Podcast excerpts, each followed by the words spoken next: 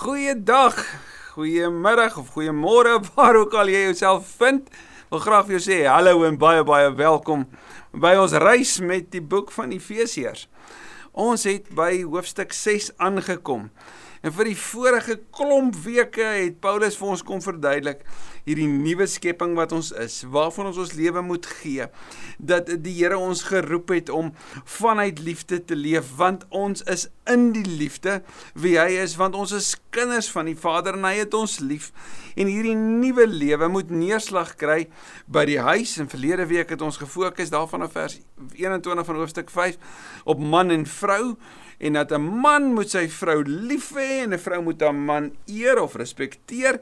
En hierdie twee goed gebeur wanneer hulle hypotasso ondergeskik is aan mekaar. Mekaar eerste stel dat 'n man en vrou een is in hulle liggaam daarom moet 'n man sy vrou lief hê soos sy eie liggaam want hulle deel dieselfde hoekom? Net soos die kerk Jesus se liggaam is en Jesus die kerk liefhet en versorg. So moet 'n man dit doen in 'n in in die kerk wat aan Jesus eer betoon omdat hulle deel is van sy liggaam waarvan hy die hoof is. So moet 'n vrou uit haar eerbied vir Christus haar man eer. En hoe mooi dit is want hierdie twee wat dan een liggaam vorm is 'n liggaam vol liefde en respek. Spreuke 3 wat vir ons mos sê, vol liefde en trou, hoe 'n huwelik moet wees. So 'n man moet onthou om nie met sonder liefde en trou te leef nie. Die Bybel wat vir ons kom vertel dat God is die Here van liefde en trou. En nou kom sê Paulus binne in hierdie huwelik, hierdie Christen huwelik wat 'n afbeelding is van Jesus in die kerk, moet 'n man en vrou mekaar lief hê en mekaar respekteer. En daai mooi eenheid sê Paulus is die afbeelding van Jesus in die kerk. Daarom moet ons huwelike soos Hebreërs 13 sê, moet ons dit eerbaar hou. Moet ons daarvoor bid. Moet ons huwelikspaartjies ondersteun en hulle herinner jy het verlaat en jy moet aankleef. Daar's net een. En so met hierdie heerlike raad oor die huwelik met hierdie voorbeeld van Christus in die kerk met hierdie inspirasie wat Paulus kom sê vir hierdie huiskerk wat bestaan uit man en vrou en kinders uit uit werkgewer en werknemer, uit eienaar en slaaf. Kom sê Paulus nou vir hulle, maar hoe lyk hierdie verhouding van van hierdie nuwe mensheid? wat die mens met Christus het, hoe lyk dit? Hy het gesê hoe lyk dit tussen man en vrou? Nou sê hoe lyk dit tussen ouer en kind? Gaan hy vandag vir ons wys en hoe lyk dit by die werkplek? So dit kom regtig baie naby want ek en jy is ergens 'n kind of 'n ouer of beide. Ek en jy as ons die voorreg het, is ergens 'n werkgewer of 'n werknemer of ons was dit. So dis regtig goed waarmee ons kan assosieer. En die Bybel praat die taal van vandag, want dit spreek die wêreld van vandag aan as ons mooi mooi luister. Kom ons bid dat die Here ons sal help om wanneer ons ons ore oopmaak dat ons regtig sy stem sal hoor ook vandag. Vader baie baie dankie vir u woord en vir hierdie voorreg. Dankie vir stadige reis met u woord. Dat ons nie gejaagd hoef te wees nie, dat ons nie oor die verse hoef te val nie, maar dat ons dit stadig kan kan beleef, dat ons dit met mekaar kan deel en weer kan deel. Dankie vir hierdie platform wat maak dat ons weer kan terugkom hierheen om dit weer te sien, dalk weer te kyk of weer te hoor. Net weer vir duidelikheid. Dankie vir die voorreg dat ons het om hierdie ook te kan aangee. Miskien vir vir 'n vriend of 'n vriendin, vir 'n buurman of vir 'n 'n ander selgroep te sê maar julle kan nie meer besig wees. Oorweeg dit want dis wat dit vir my beteken het. Ek bid so Here dat u u woord, u geïnspireerde woord vir ons sal oopbreek en dat ons die diepte en die praktiese toepassing daarvan vandag net weer opnuut sal besef. Bid dit in Jesus se naam. Amen. Hoofstuk 6 natuurlik op die rug van hoofstuk 5 vanaf vers 21 bou voort op daai eerste inleidende woorde van vers 21 wanneer Paulus sê wees uit eerbied vir Christus aan mekaar onderdanig. En daai mekaar beskryf die geloofsfamilie. Dit het toe beskryf man en vrou en nou wat sê dit vir ouers en kinders? So ek lees graag vir ons vers 1 en natuurlik huiskerk kinders word nie eenkant gesit nie hulle word nie apart geplaas nie hulle is deel daarvan wanneer die woord van God gelees word is hulle deel van die saamluister die saamhoor die onder die geklank van die woord van die Here sit en beleef kinders wees as gelowiges onthou dis jou eerste identiteit as gelowiges aan julle ouers gehoorsaam. Want dit is wat die wet van God vereis. Nou Paulus praat met 'n dominerend dominant Griekse gemeenskap en hy gebruik die Ou Testament as die basis. sien ons kan nie die Nuwe Testament alhoewel daar sekere kerke is wat hierdie probeer dryf, die Nuwe Testament kom help ons om te verstaan dat dit staan nie los van die Ou Testament nie. Jesus is die vervulling van die Ou Testament. En die wet van God het nêrens verdwyn nie. En in die wet van God in Eksodus 20 word daar vertel, daar in die middel van die 10 gebooie, so amper asof dit die twee aan mekaar bind, dat kinders hulle ouers moet gehoorsaam. Hoor mooi, Paulus sê dis wat kinders moet doen, maar hulle doen dit omdat hulle kinders is van God. Hulle moet hulle ouers gehoorsaam. So dit beteken dus wanneer 'n ouer 'n grens stel, kan die kind nie sê wel kan ons bietjie daaroor praat nie. Kan is kan ons hierdie uh, bietjie onderhandel. Ek bedoel ek moet na my foon neersit, maar dit pas my nie regtig nou nie. Ek is nou op daai oproep of ek luister nou na daai musiek of ek kyk nou na daai klip. As die ouers sê sit neer, gaan bære, gaan was jou hande, kom sit aan tafel, kom ons bid. Dat die kinders sal sê uit eerbied vir die Here wil ek graag my ouers gehoorsaam. Want dit kom sê nie net wie ek is nie, dit kom sê wie sin ek is. sien daar's 'n ander ingesteldheid en juis vir gelowige kinders wat binne 'n huisgesin dalk is waar die broer en die suster of die die ander familielede dalk die hersaamgestelde gesin nie gelowiges is nie, moet 'n gelowige juis juis uitstaan as gehoorsaam aan my ouers as my ouers argumente tot haar sê ek wil jou regtig mooi vra dat jy jou kamer sal skoon en netjies hou. Dat die kinders sal sê uit my liefde vir die Here sal ek hierdie doen en ek weet hierdie is bitter moeilik. Ek weet ek het ook 'n huis vol kinders. Ek weet hoe dit gaan. Ek weet dat skoene nie altyd gepolitoer is nie en goed is nie altyd opgetel nie. Trouwens, sommige kamers lyk na chaos. Dit lyk amper asof jy 'n 'n 'n weet 'n moet versekerings uitneem op jou lewe want jy waag alles om daarin te stap want dit so te mekaar dit van tyd tot tyd. Wat sê Paulus? Kinders, luister mooi. Hierdie ouers van julle hier in die gemeente. Jou ouers. Jy moet hulle gehoorsaam. Eer jou vader, hier haal hy die wet aan. Eer jou vader en jou moeder is 'n baie belangrike gebod. En hy sou dit daar kon los. Maar kyk wat doen Paulus. Hy sê, weet jy wat, omdat jy God se kind is, moet jy jou ouers gehoorsaam, maar daar's iets vir jou daarin ook. Nie net omdat jy God se is nie, maar omdat daar dit vir jou die moeite werd is om hulle te gehoorsaam. Hoor mooi. Here jou vader en jou moeder is 'n baie belangrike gebod en daar is nog 'n belofte by sodat dit met jou goed mag gaan en jy lank mag lewe op aarde. Wat sê Paulus? Kinders, wanneer jy jou ouers gehoorsaam, is die seën van die Here op 'n besondere manier op jou. En onthou mooi, jou ouers hou nie ergens op om jou ouers te wees nie. Hulle is altyd jou ouers. So jou ingesteldheid om aan hulle eer te bring, jou ingesteldheid om hulle te waardeer, beteken dat jy hulle nie op 'n stadium ergens gaan aflaai in 'n versorgingseenheid en van hulle vergeet nie. Jy eer hulle altyd. Jy herinner hulle altyd, hulle is jou ouers. Hulle is spesiaal vir jou. Jy vra altyd, hoe kan jy bydra tot hulle welstand? Jy luister mooi na hulle wysheid. Daar's iets te sê oor die wise counsel van ouer mense. En as hulle ouer mense is wat gelowiges is, hoeveel te meer kan ons nie by hulle wysheid leer nie, kan ons nie by hulle hoor nie. So, ouers of kinders, wees nie ouers gehoorsaam, eer hulle sodat dit met jou goed mag gaan en jy lang lewe kan hê. En, en in die Ou Testament was 'n lang lewe natuurlike 'n 'n bewys of 'n teken of dit is gesien as en ons het by Prediker dit ook gesien as 'n teken van die seën van die Here op jou lewe dat jy reg doen. So Paulus sê dit sal verander sigbaar wees wanneer jy jou ouers eer. En en en asof Paulus nie net op die kinders wil fokus nie, maar nou is hy weer terug by die paas. Hy arme mans. Hulle toe hulle by by hulle vrouens kom moes hoor, hoorie maar ek moet ek moet hulle hoof wees soos Jesus die hoof is. Dis dis ook al hoor dit is. Hy het dit heeltemal omgekeer. Hy sê my man moet sy vrou lief hê, so hy moet 'n ander taal leer. En nou vir hierdie wêreld waarin die man die hoof was, waarin die man die fokus was, waarin alles oor hom gegaan het, waarin hy regtig kon besluit wat's in en wat's uit. Hy kon aan sy gesin hanteer net soos wat hy wil. Niemand sou iets vir hom gevra het nie. In die Griekse wêreld was die man so die hoofpunt dat hy kon besluit of die kind aanvaar of verwerp word.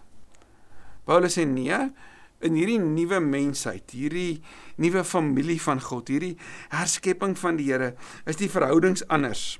Man en vrou is een. Hulle is nie verskillend nie. Kinders eer hulle ouers en en en hoe moet die hoe die pa wat hy sê die hoof van die huis is, hoe moet die pa en natuurlik sal dit vandag vir jou en my as pa en ma aanspreek? Hoe moet dit lyk? Hy sê en vaders, moenie julle kinders so behandel dat hulle opstandig word nie. Moenie maak dat hulle rebelleer nie. Moenie hulle so hanteer dat hulle erns skree nie. Ek weet van ons het groot geword in in 'n wêreld waar nog sê as kinders word gesien maar nie gehoor nie. So kinders ken hulle plek. Kinders bly stil. Jy luister nie na kinders nie. Ek dink daar was 'n teenreaksie daaroor, miskien dalk 'n oorreaksie waarin daar al hoe meer na kinders geluister word. Wel, trouens, Boel Johan Smit het nou die dag op op een van sy plasings het hy verwys na na kinders wat deesdae die leiers van die huis is. Hulle het die ouers in die huis geword en die ouers luister nou na hulle. Die totale omgekeerde van wat God sê. Ouers het hulle rol as ouers en hulle moet dit inneem en hulle moet dit uitleef. Maar hoe moet hulle dit doen? Nie op so 'n manier dat hulle hulle kinders so inperk en en en so bestraf en by tye so bang maak dat hulle daarteen wil rebelleer nie. So daar's 'n manier hoe ouers met hulle kinders moet werk. En en Paulus gebruik die woord vaders en ons verstaan nou hoekom hy dit sê. Maar maar dit geld vir pa en ma. Moenie julle kinders so behandel dat hulle opstandig word nie. En en soos ons nou al vroeër in Efesiërs gesien het, elke keer as Paulus sê moenie, dan bied hy die alternatief. Hy sê doen dit eerder so. Kyk mooi wat hy dan doen met die alternatief. Hy sê moenie hulle so behandel nie, maar maak hulle groot.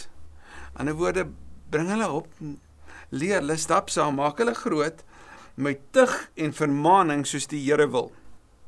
Nou weet ek, my verstaan van tug as kind maak hulle groot met 'n lekker pak sla en waarskuwing soos die Here wil. Hierdie woord tug wanneer die Hebreërs skrywer dit in hoofstuk 12 gebruik, dan gebruik hy die woord parakaleo. Nou parakaleo is dit wat 'n wat 'n afrigter vir 'n atleet gedoen het, nie waar nie? As 'n atleet omgekom het en gesê, "Ja, ek is naar meneer," soos wat met my gebeur het dan sal die afrigter nie sê ag stop gee ontspan jy kan oor 'n week weer begin oefen. Nee die afrigter sou sê dis 'n goeie teken. Hardloop weer. En meneer Botha het my gekry om vanaf daai vlak na 'n volgende vlak te kon beweeg in my atletiek. Hoekom? Omdat hy my gedryf het verby my gemaksone verby die plek waar ek wou stop. So parakaleo is aanmoediging. Die die die latynse woord tugtung is om voor of die Duitse woord is om vorentoe te te vat So wat is hierdie tug? Wel, dit verwys na 'n bepaalde vlak van versorging. Dit verwys na die die die woord padeia praat van instruction of discipline. So leer hulle in die in die in die dissipline van die Here. So met ander woorde versorg hulle sodat hulle kan weet wat dit beteken om 'n kind van die Here te wees. Daai tug het te doen met vorming. So jy het 'n aktiewe rol as 'n ouer in jou kinders se lewe om te help in hulle vorming terwyl hulle grootgemaak word. En ja, buig die boontjie terwyl hy jonk is. Wees betrokke. Moet dit nie gee vir iemand anders nie. Moenie dit verwag van 'n ou pair nie. Wees jy die ouer teenwoordig in hulle lewe. Tug en dan die woord vermaaning. Nou hierdie vermaaning is die is die woord notheia en dit kan vertaal word met lering of waarskuwing. So jy maak hulle groot met die dissipline van die Here van dis hoe ons leef en jy maak hulle groot met die lering van die Here. En dit bou so voort op Deuteronomium 4. Wanneer Paulus daar sê ouers moet met hulle kinders praat dag en nag, oggend en aand as hulle ry en as hulle of as hulle uitgaan en as hulle terugkom. Wees teenwoordig. So leer hulle. Leer hulle hoe soos die Here dit wil. So Paulus praat van 'n gesin waar die man en die vrou mekaar met liefde en respek hanteer. 'n Gesin waar die ouers of in sommige van ons gevalle die ouer die kinders hanteer met 'n sagtheid soos die Here wil. En in die sagtheid word kinders gevorm en word kinders geleer. Is ouers betrokke. Laat hulle nie kinders toe om alles te doen net soos wat hulle wil nie. En terwyl kinders gevorm word, leer kinders ook om gehoorsaam te wees. En in hierdie wêreld van liefde en respek, van gehoorsaamheid en vorming, daar kom die evangelie so mooi tuis en word dit sigbaar. Dis die prentjie wat Paulus het van 'n gesin in die Bybelse konteks, in vandag se konteks. En hoe dit nie net kan nie, maar moet wees. Maar Paulus los dit nie by die huis nie. Hy weet daar's 'n werkplek. En ja, in die wêreld van die Bybel was daar 60 miljoen slawe in die Romeinse ryk gewees. So dit was 'n verskynsel. Dit was 'n gebruik. Dit was nie 'n onbekende nie. Sommige slawe was lede van die gesin. Ek wou hulle was so gesien, hulle het aan tafel gesit. Ja, hulle het gewerk en hulle het vir die gesin gewerk en die eienaars was behoor hulle, maar maar, maar Paulus weet dat in daai wêreld was die slawe nie op afstand nie. Hulle was ook naby gewees. Nou hoe moet 'n slaaf werk? In 1 Korintiërs 7 sal Paulus byvoorbeeld sê: "Wanneer jy vrykom, moet jy nie dit gebruik om weg te stap nie. Wanneer jy tot geloof kom, moenie rebelleer nie. Bly in die plek waar jy is. Maak die verskil daar." En iets daarvan en dit beteken nie hy ondersteun die beginsel van slawerny nie. Dit was 'n algemene praktyk en Paulus kom wys hoe die kerk anders werk binne in daai bestaande stelsel en deur dit te doen het hy die stelsel op sy kop gedraai. Daarom sal John Stott sê, dis juis hierdie woorde van Paulus wat die begin van die einde van slawerny inlei. Want dit wys van 'n ander manier van verhouding hê binne in hierdie stelsel wat uiteindelik die stelsel beëindig het. Slawe, doeloi. Wees gehoorsaam aan julle eienaars hier op aarde en doen dit met eerbied en ontzag, maar terselfdertyd met 'n opregte hart, asof dit vir Christus is. Sommige slawe het eienaars gehad wat mooi na hulle gekyk het. Sommige slawe het eienaars gehad wat hulle misbruik het. Petrus skryf daaroor. Hy skryf in 1 Petrus oor hierdie slawe wat geen burgerlike regte het nie, wat oop is vir misbruik. Dit was die arm Jode gewees wat wat nou as slawe verkoop is en en en, en hulle het nie eiendomsreg nie. So hulle kan ook nie na die hof toe gaan hulle saak verdedig nie. Daar Petrus sê as jy ly omdat jy aan Jesus behoort, byt vas, dis genade as jy kan volhard onthou in hierdie tyd om eer te bring aan hulle voor weet aan wie jy ondergeskik is. Petrus sê dit en Paulus sê dit binne in daai wêreld waar mag so misbruik kon word. Sê hulle maar onthou mooi, moenie vaskyk in die vrees en die angs van hierdie persoon wat mag oor jou het nie. Verander jou visie. Kyk na God. En uit jou eerbied vir die Here, hoe moet jy met hulle maak? Jy moet hierdie eienaars van jou moet jy of vir die eienaar van jou moet jy met die nodige eerbied en en en respek en onsag moet jy hulle behandel en so oor hulle praat. So wees gehoorsaam en doen dit met eerbied en onsag. Maar terselfdertyd nie met 'n 'n valsheid in jou hart nie. Want dit is moeilik om dit te doen as jy weet hier agter lag jy eintlik vir hulle. Dis soos mense wat soms sê, "Bless jou man," maar al wat hulle wil doen is om die teenoorgestelde te doen. Hulle bedoel dit rarig nie. Dis amper sarkasties. Maar dit klink tog net so reg. Nee, die opregte ware op on, ons sag en en eerbied moet kom uit 'n opregte hart. Toe kom want dit is 'n hart wat aan die Here behoort. Paulus sê julle moet dit doen asof vir Christus. So die werk wat jy doen, hoe sou jy dit doen as dit vir Jesus was? En ja, Jesus is nie die wraakgierige magsmisbruiker nie. Jesus is nie die manipuleerder dalk nie. Jesus nie is nie die een wat wat chaos veroorsaak of jou of jou die laaste oomblik laat goeters doen nie. Jesus is nie die een wat domineer en vir jou herinner, hy's die baas en jy's niks nie. Hy's niks daarvan nie. Maar ons kry dit. Daar was sulke eienaars in die Bybelse tyd en daar is ongelukkig sulke werkgewers en persone in in posisies waaronder Christene moet werk. Paulus sê doen dit asof vir Jesus. Hou Jesus in die oë. En jy gaan hierdie dalk beleef wat wat vir jou onregverdig en lelik is, maar moenie dat dit alles in jou lewe steel nie. Want jy doen dit nie vir hierdie persone nie. Jy doen dit vir die Here. Moenie net werk om deur eienaars raag gesien te word nie en so in mense se gunste kom nie. Werk so slawe vir Christus wat van harte die wil van God doen. So watse watse optrede moet 'n 'n kind van die Here mimiek by hulle huis? Wat moet hulle naboots by die werkplek? Dit wat hulle vir Jesus doen.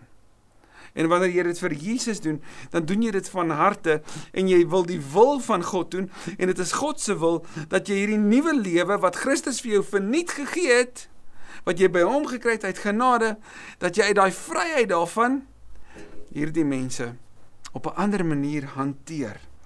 Jy doen dit nie om mense tevrede te stel nie. Want sien, dan is daar gewin vir jou.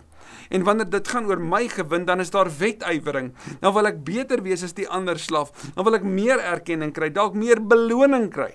Dan wil ek beter voel as hierdie een. Nee. Ek doen dit nie vir dit nie, sê Paulus. Wat ek doen, doen ek voluit. Maar ek doen dit nie om raak gesien te word nie. Ek doen dit nie vir die erkenning of vir die sterretjie of dalk vir die bonus nie. Ek doen dit omdat ek dit vir die Here doen bovenal en dit is my enigste rede want dit is die enigste rede wat regtig tel sal Paulus sê doen dit van harte soos vir die Here pas op vir people pleasing want dit kan jou gevang hou wees eerder iemand wat die Here tevrede wil stel in alles as 'n slawe is vers 7 doen julle werk met lus soos vir die Here en nie vir mense nie doen julle werk met lus soos vir die Here en nie vir mense nie. JD Greer sê the workplace is the laboratory where we learn to serve God with excellence in all things. So slawe, wanneer jy wakker word en jy wil jouself daar uit die bed uit sleep, onthou mooi, jy doen nie hierdie vir mense nie, want daarom sal jy dan gaan jy moedeloos word. Jy gaan perspektief verloor. Nee, doen dit vir die Here en dan kan jy dit doen met lus. Want as die Here wat raak sien, dit moet jou beweegrede wees. Hier in ons dorp is daar 'n 'n een van die hierdie ehm um, motorwasserye waar die die man wat die motors was sing elke keer as hy jou sien, dan maak hy die deur oop en hy groet jou met blydskap. Al kom jy op 'n koue Saterdagoggend daaraan, dan is hy opgewonde om jou te sien en hy groet jou. En wanneer hy jou kar was, dan sing hy en daarna dan maak hy weer oop en dan sing hy weer vir jou sommer 'n selfopgemaakte liedjie. Maar met soveel entoesiasme en hy gaan nie stop sonder om vir jou te sê Jesus is koning nie. Jesus is die Here nie. En sy liefde vir die Here maak dit op 'n koue Saterdagoggend motors kan was met vreugde, met lus want hy doen dit nie vir hulle nie. Hy doen dit vir die Here. Dit sê Paulus is die voorbeeld om dit so te doen. En nou kan jy sien as jy dit so doen, hoe dit vir die wêreld wys wie sin jy is. Vers 8: Julle weet tog dat die Here elkeen sal beloon as hy iets goeds gedoen het of hy nou slaaf is of vry. Paulus sê, soos wat 'n slaaf sou werk vir beloning, onthou mooi jy doen dit nou nie meer vir mense nie, jy doen dit vir die Here en hierdie Here wat sien sal beloon. Hy gee nie die die verdere beskrywing daarvoor nie. En Paulus sê ook nie op hierdie manier dis beter om 'n slaaf te wees as vry nie. Paulus praat van 'n gesindheid en hy sê die Here sien dit en ek en jy moet dit weet. Wat Paulus kom sê is wat ek en jy hier op aarde doen, tel. Dit maak saak en die Here weet. Wat ek en jy op aarde doen, het ewigheidswaarde. Hoor mooi. My beroep het ewige betekenis. Dis nie net tydelik hier nie. So hoe doen ek dit? Met watter gesindheid doen ek dit? Vir wie doen ek dit? Hoe hanteer ek mense? Ook hulle onder wie ek gestel is. Paulus sê natuurlik ons moet onderdanig wees aan mekaar en hier vir die slawe Hou daai houding, hou daai posisie. Moenie agteraf praat oor oor jou eienaar nie. Moenie hulle afbreek nie. Moenie moenie sleg doen nie, want jy doen dit vir die Here, so daarom moet dit jou gesindheid wees. En daarom doen jy dit met lus en met energie. Want jy doen dit nie vir hulle nie, jy doen dit vir die Here. Maar Paulus, onthou mooi ons praat nou van 'n 'n huiskerk, nê? Nee? So daar's slawe in hierdie huiskerk. En dis hier waar die hele stelsel omgegooi word want die Nuwe Testament is die plek waar 'n slaaf en 'n eienaar om dieselfde tafel sit en vir mekaar aanspreek as broers of broer en suster. Dis die enigste plek in die antieke wêreld waar die sosiale stande letterlik verdwyn en waar hulle een is slaaf of vry, man of vrou, Griek of Jood, almal een in Christus. Dis alwaar dit gaan. En dit het die wêreld verander. So wat sê Paulus vir die eienaars van hierdie gemeenskap? Teenoor hulle slawe wat waarskynlik langs hulle sit. Eienaars, behandel julle slawe met dieselfde gesindheid. Dis natuurlik hierdie gesindheid van Christus, doen alles wat jy doen asof vir die Here. En hoor mooi, hou op om hulle te dreig. Dink daaraan dat die Here in die hemel hulle Here en julle Here is en hy trek niemand voor nie.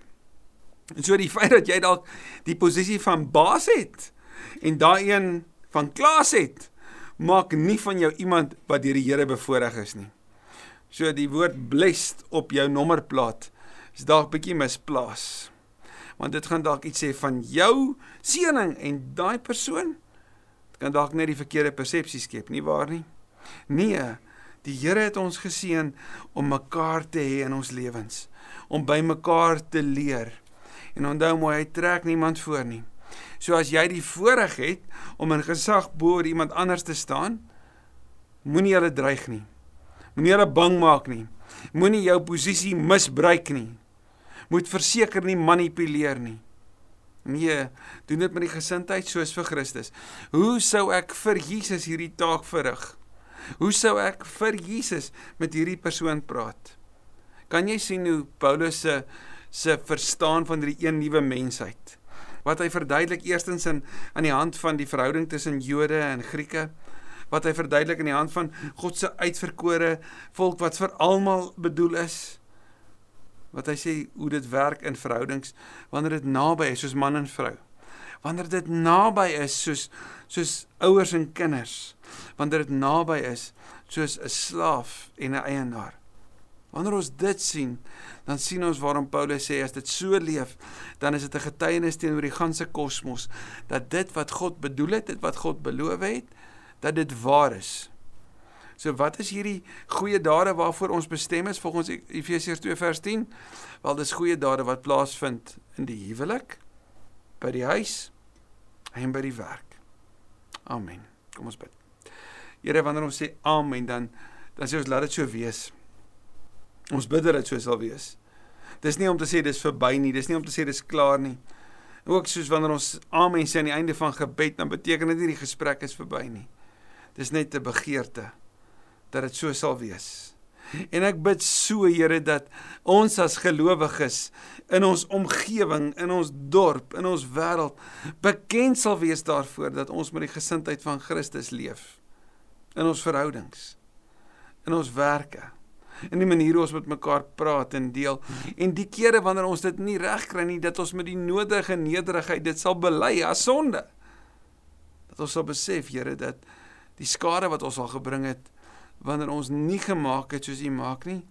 'n Sonde wat ons moet bely, maar dat U die Here die koning van herstel ook verhoudings kan herstel, situasies kan herstel.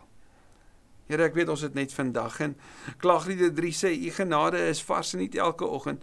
Mag ons daarom vanuit u genade wat vars en nuut ook vandag na ons toe kom leef en daai genade met ander leef. Jammer vir die kere wat ons mense se voordele, mense se instemming en toestemming nagejaag het. Obsessief nagejaag het om almal tevrede te stel en in die proses onsself verloor het. Jammer vir die kere waarin ons mense verkeerd behandel het. Dalk mense wat minder mag het, so so lelik behandel het dat as dit ons was, ons nooit teruggekom het nie. Mag dit regtig so wees dat ons vir die vir wie ons werk met die nodige eer en ontzag sal hanteer soos vir u want ons doen dit vir u. En mag ons vir die wat vir ons werk met die nodige eer en onsag hanteer. Nie sal dreig nie nie op sal skree nie nie as 'n minder belangrike minder waardevolle skepping van die Here sal hanteer nie maar as 'n boetie of 'n sussie soos vir u Dankie dat U die voorbeeld is Jesus. Wat eerste vir ons hierdie voorbeeld kom stel is sodat ons dit kan naboots Mag ons dit voor ons hou elke dag, ook vandag in Jesus se naam. Amen. Amen. Ek hoop jy het 'n mooi week. Onthou as jy hulp nodig het by ons sorg, kan ons regtig vir ons baie graag saam deel ook in jou nood. As jy hulp nodig het in gebed, wil ons saam met jou bid. As jy wil deel wees van 'n groep, doen ons dit graag. En as jy die inligting wil hê van die notas wat hier voor my is en jy dit dalk wil deel met ander asseblief, ek stuur dit baie graag vir jou. Mag jy 'n mooi week hê.